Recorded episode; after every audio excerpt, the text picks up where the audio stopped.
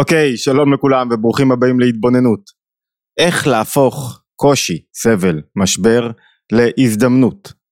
בדרך כלל כשמישהו חווה חוויית סבל כלשהי, כשכואב לו, כשהוא מתמודד עם משהו מאחד מהשלושת הדברים בענייני העולם הזה, בני, חיי או מזוני, דברים שקשורים לילדים, דברים שקשורים לבריאות שלו, דברים שקשורים לפרנסה, דברים שקשורים לנפש שלו, כשהוא מתמודד וסובל ממשהו, השאלה הראשונה בדרך כלל שעולה, וזה לא משנה אם הוא גרם לעצמו את הסבל הזה, או אם אחרים גרמו לו את הסבל הזה, וזה לא משנה אם הסבל הוא קולקטיבי או הסבל הוא אישי, הוא שואל את השאלה, למה?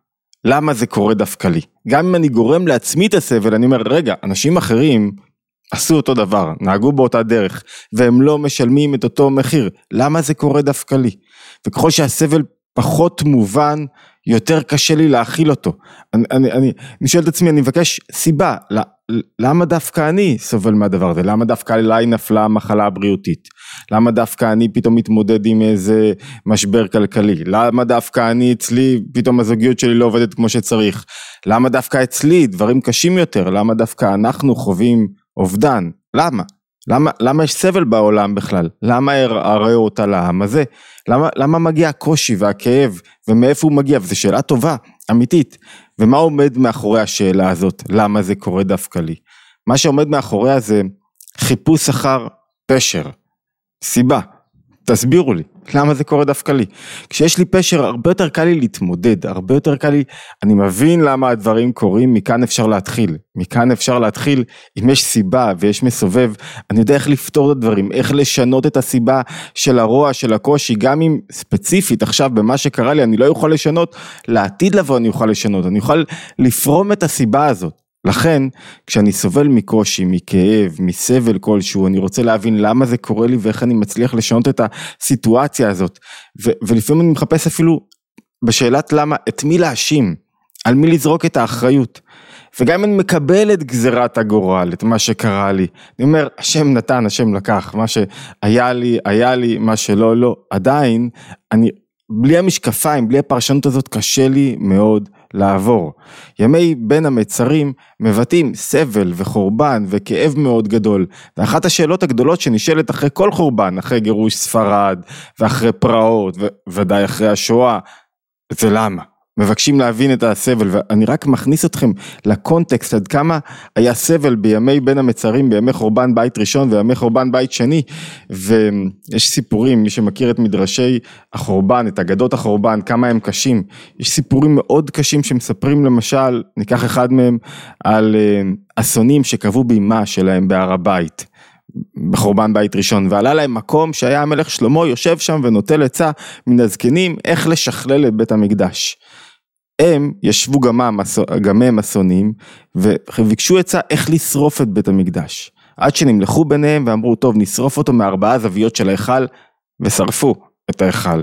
יצא כהן גדול, אני, אני רק רוצה להמחיש את הסבל ואת השאלת הלמה.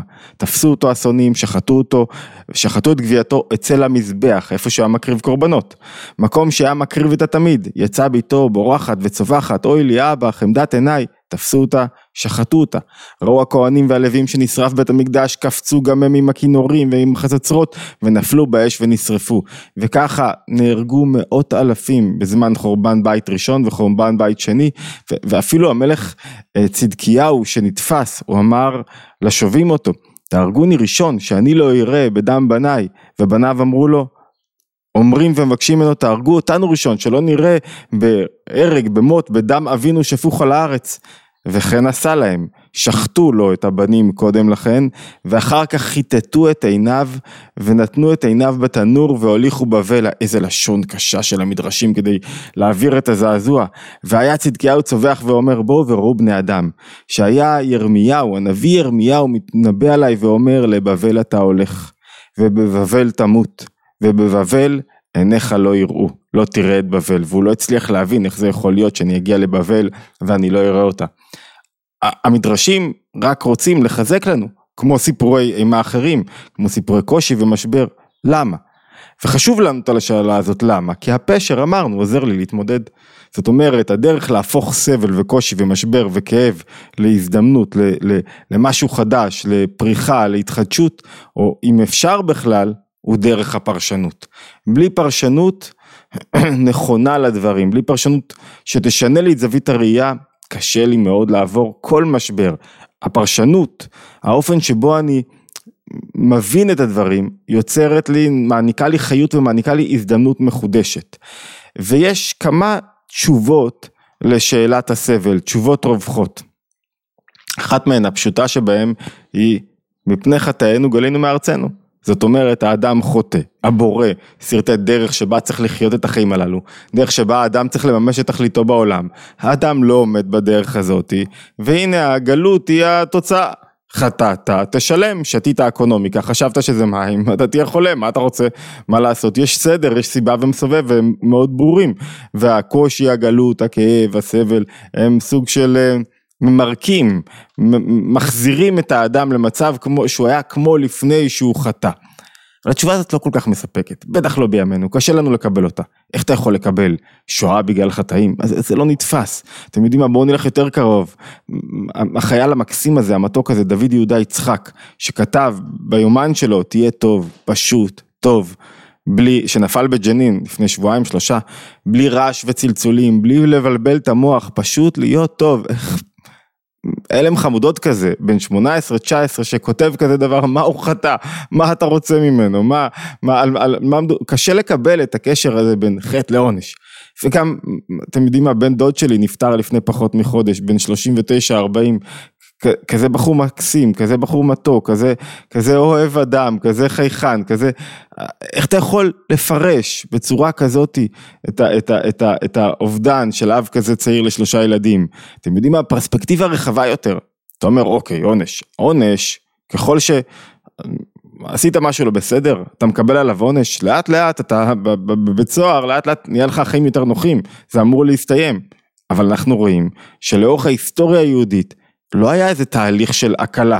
מסעות צלב, עלילות דם, אינקוויזיציה, אמרנו חורבן בית ראשון שני, פרעות, פוגרומים, מה שאתם לא רוצים, רדיפות יומיומיות, עוני, מצוקה, סבל, מהפכה סובייטית שהייתה נוראה, שואה כמובן, ו, ו, ואתה לא רואה איזה סוף. שכאילו וואו זה יש הקלה. נכון שאנחנו חיים היום בתקופה מאוד טובה אבל קשה להגיד שהתקופה הזאת היא נטולת סבל נטולת כאב נטולת התמודדויות של אנשים שלנו כחברה ושל פרטים בודדים. ויותר מזה והכי חשוב וזו הנקודה לא הכי חשובה אנחנו רואים שהסיבתיות של עונש לא באמת עובדת זאת אומרת, היא לא עבדה אחרי השואה, היא לא עבדה אחרי חורבן בית ראשון ושני. זאת אומרת, אם לקדוש ברוך הוא הייתה איזה מגמה להגיד לנו, תשמעו, חטאתם, תענשו, ועכשיו תעשו תשובה, לא עובד. לא, לא, לא קונים את זה, זאת אומרת, מה, מה, להפך, אחרי שמישהו העניש אותי, אני אומר, עזוב אותי, תעזוב אותי מהכל, לא רוצה להיות פה בכלל. אי אפשר להגיד שהשואה עוררה תנועת תשובה.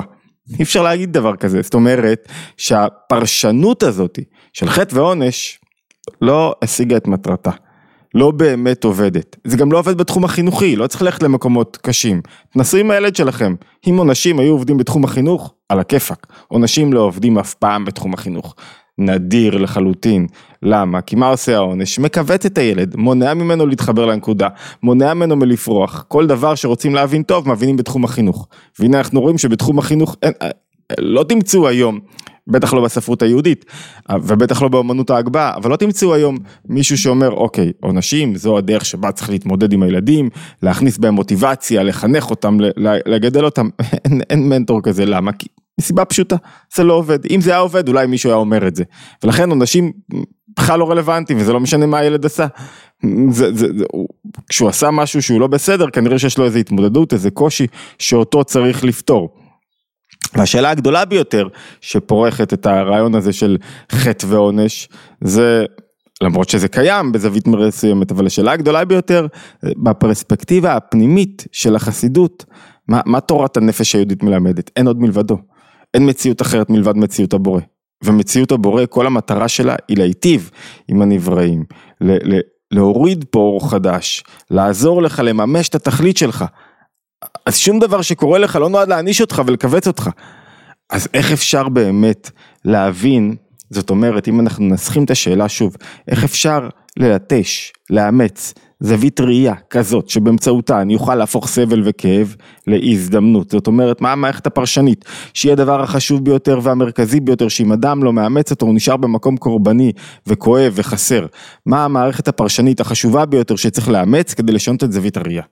כדי, כדי להתגבר על כאב ועל סבל ולהפוך אותם להזדמנות, ליכולת לצמוח ומתוך כאב וקושי להקים מדינה, להקים חברה, להתפתח, לבנות משפחה חדשה, לייצר, לייצר עוד חיות בתוך העולם. מה מערכת הפרשנות הזאת?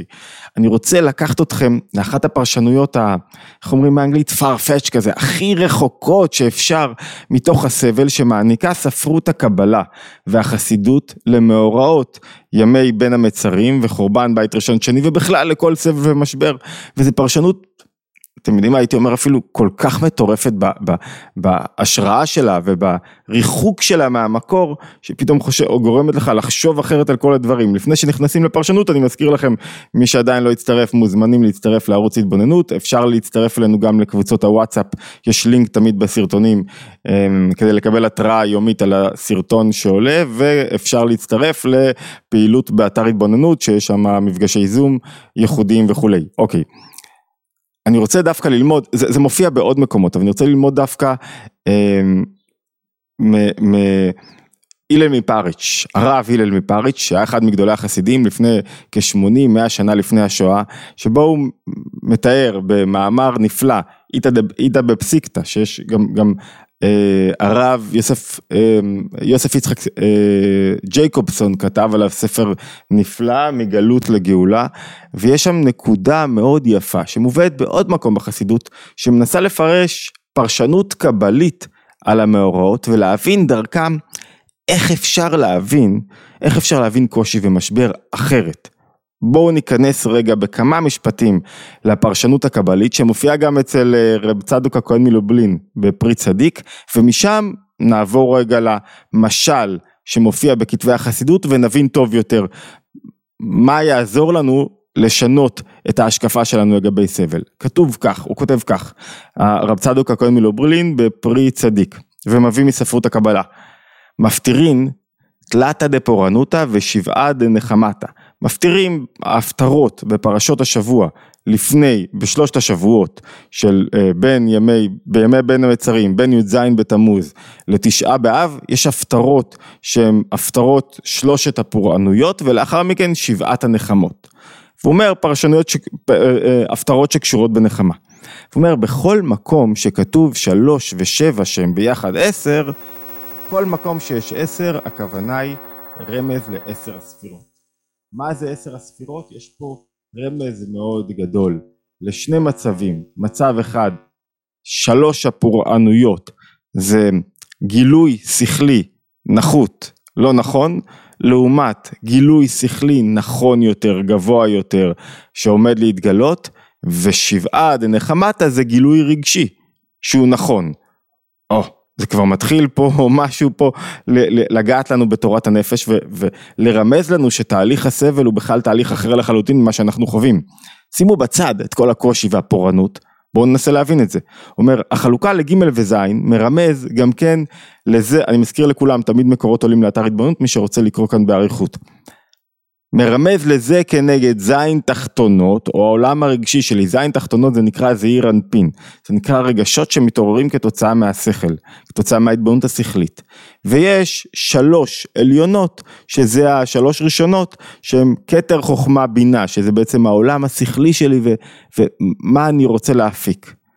זאת אומרת, והוא אומר, בגלל שיש תלתא דפורענותא ושיבתא נחמתא, הרמז הוא לזה כנגד זה עשה האלוקים. זאת אומרת שיש לנו עולם שכלי ורגשי שלילי, לא רצוי, עולם שכלי ורגשי חיובי, רצוי.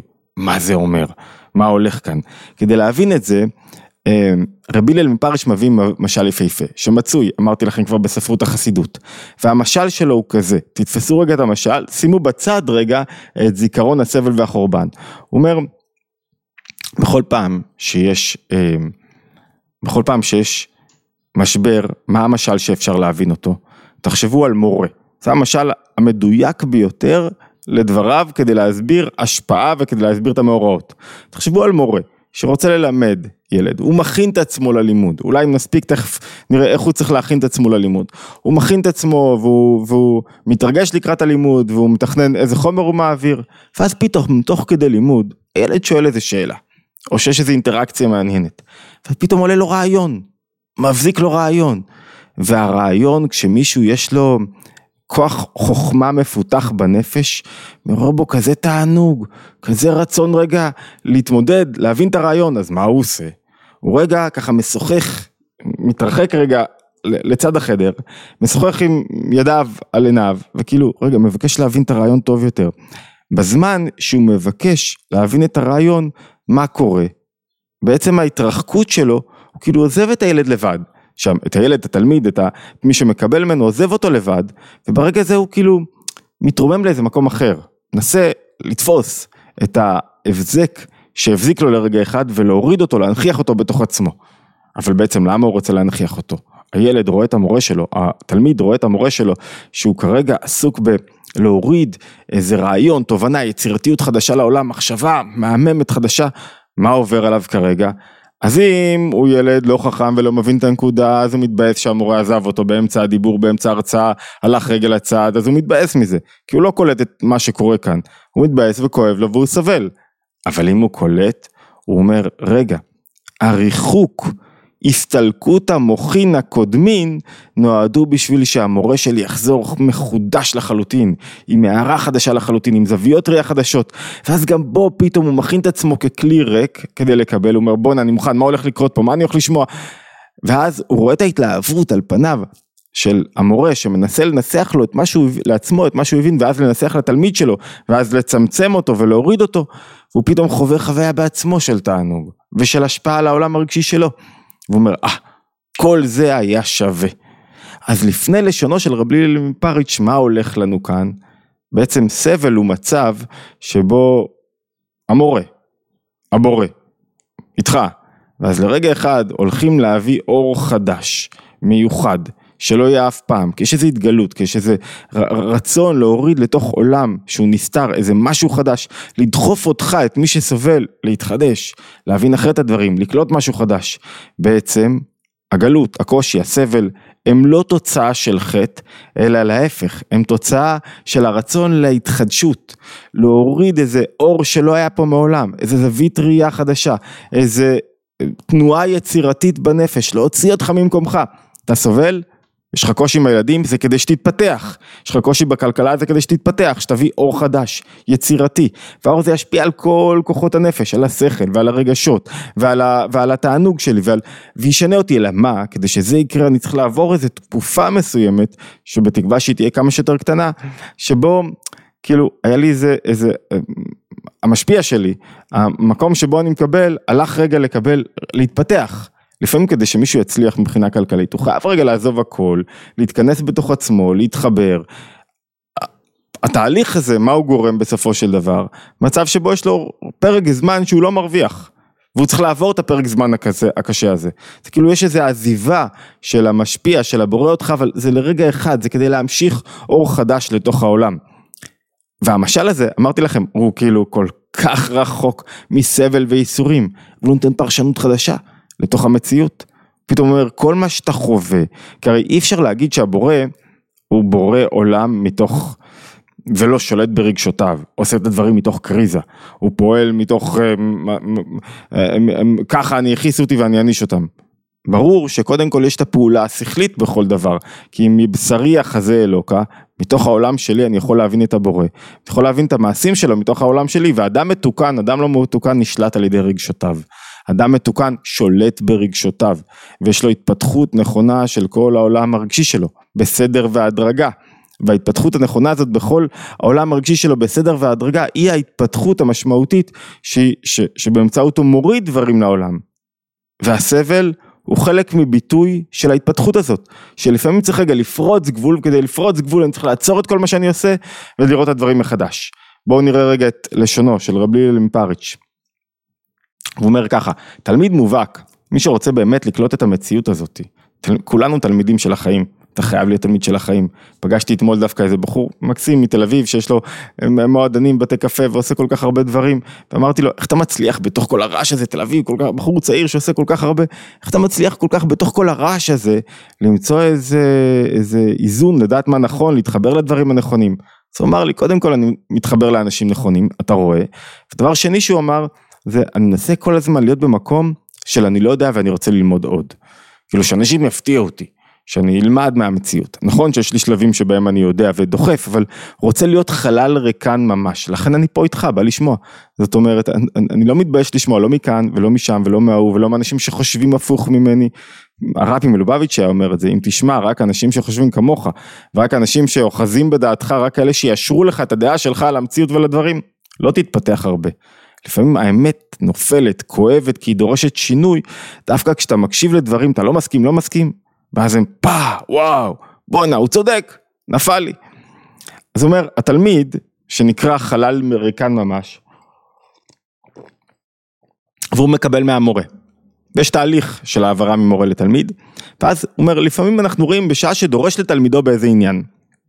המורה, נופלים לו, למורה, המצאות חדשות, נעלות הרבה יותר מכפי שסידר במחשבתו, כדי ללמד את התלמיד. באתי לכיתה.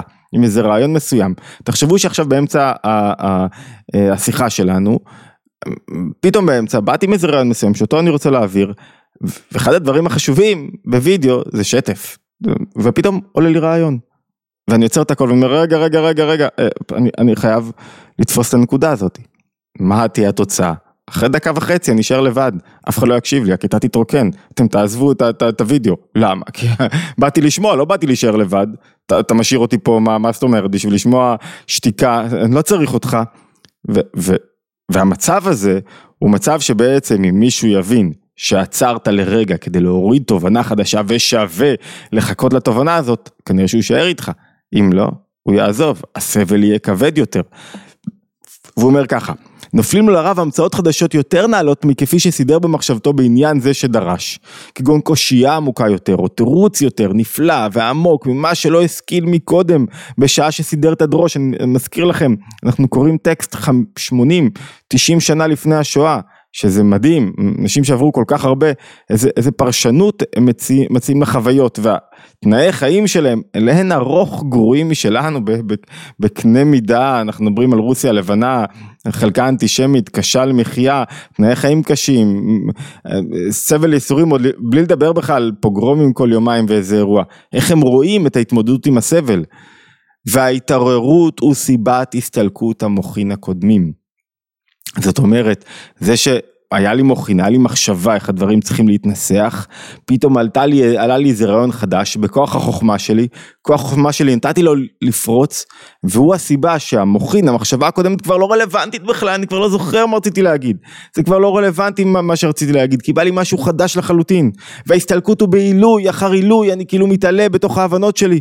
וממילא נעשה, פה הוא חוזר לנו לעולם המציאות, המציאות בבריאה, יצירה, עשייה, בעולמות התחתונים שבהם אנחנו חיים. מיעוט, חיות אלוקית, כאילו הקדוש ברוך הוא עזב לרגע, השאיר אותך לבד, לסבול. עם אובדן, עם קושי, עם דם, עם צרות, עם ייסורים, עם כל ההיבטים. אבל ההסתלקות הוא סיבת פועל שהאור חדש יתגלה.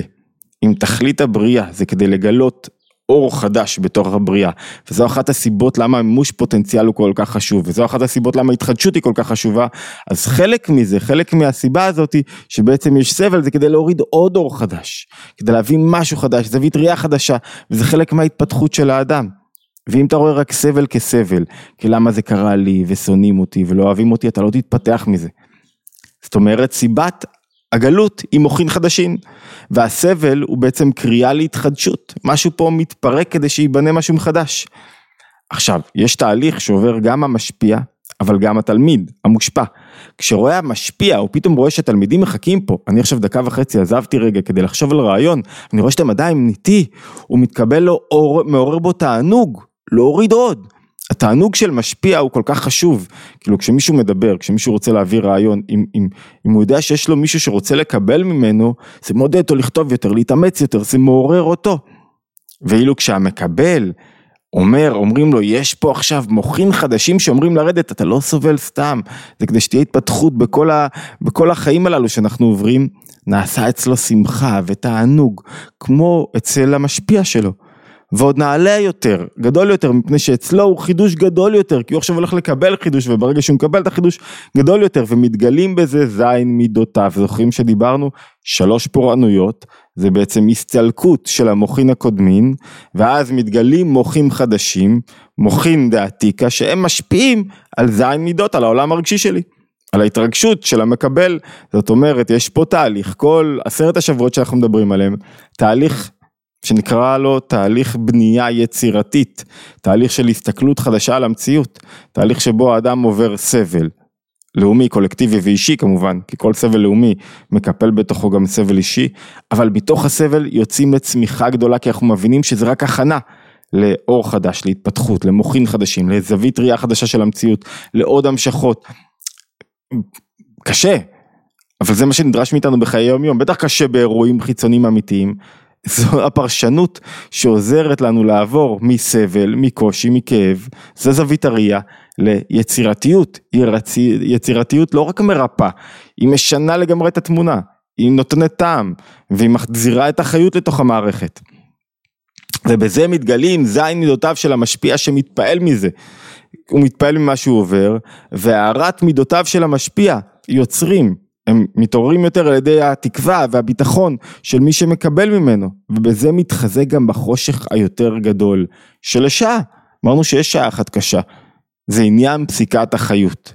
איך צריך להתכונן לדברים כאלה? זה אומר שני היבטים, שנפנה מוחו וליבו של התלמיד מכל מחשבותיו והשכלותיו הקודמות, שיהיה כלי ריקן, זאת אומרת, תן למציאות להפתיע אותך, ובכל הפתעה אל תשאל איזה באסה, מה אני קורבן, כל מציאות היא הזדמנות להתפתחות, ליצירתיות, לאור חדש שיומשך בתוך העולם, לשינוי המבנים של הדברים הקודמים, של התובנות הקודמות ולהמשכת תובנה קודמת, כל חורבן, כל שבר קטן הוא הזדמנות לפריצה מחודשת, והבט שמקרב את עצמו אל המשפיע לשפוע, לשמוע מפי רבו, מורו, על דרך עשה אוזנך כאפרכסת, זאת אומרת אם אתה לא רוצה לשמוע זה לא יעזור שום דבר, לא יתפתח פה כלום. זאת אומרת, הסיבה למשבר, הסיבה לגלות היא לא החטא, אלא היא האור החדש שאנחנו רוצים להוריד למטה, ואם אני מוריד את זה רגע לפסים מעשיים, קצת הארכנו היום, כי זה נושא סופר מעניין וחשוב, ועדיין לא הגעתי אפילו לחלק מה... מהדרשה, מה, מהמאמר הנפלא של רב הלל מפריץ', אפילו לא לפרומיל, מי שירצה מוזמן לקרוא אותו באתר התבוננות. צריך לחשוב על כך, לא רק על סבל ודברים קשים, גם על דברים קטנים, על עייפות מנטלית. כאילו אתה עייף, למה?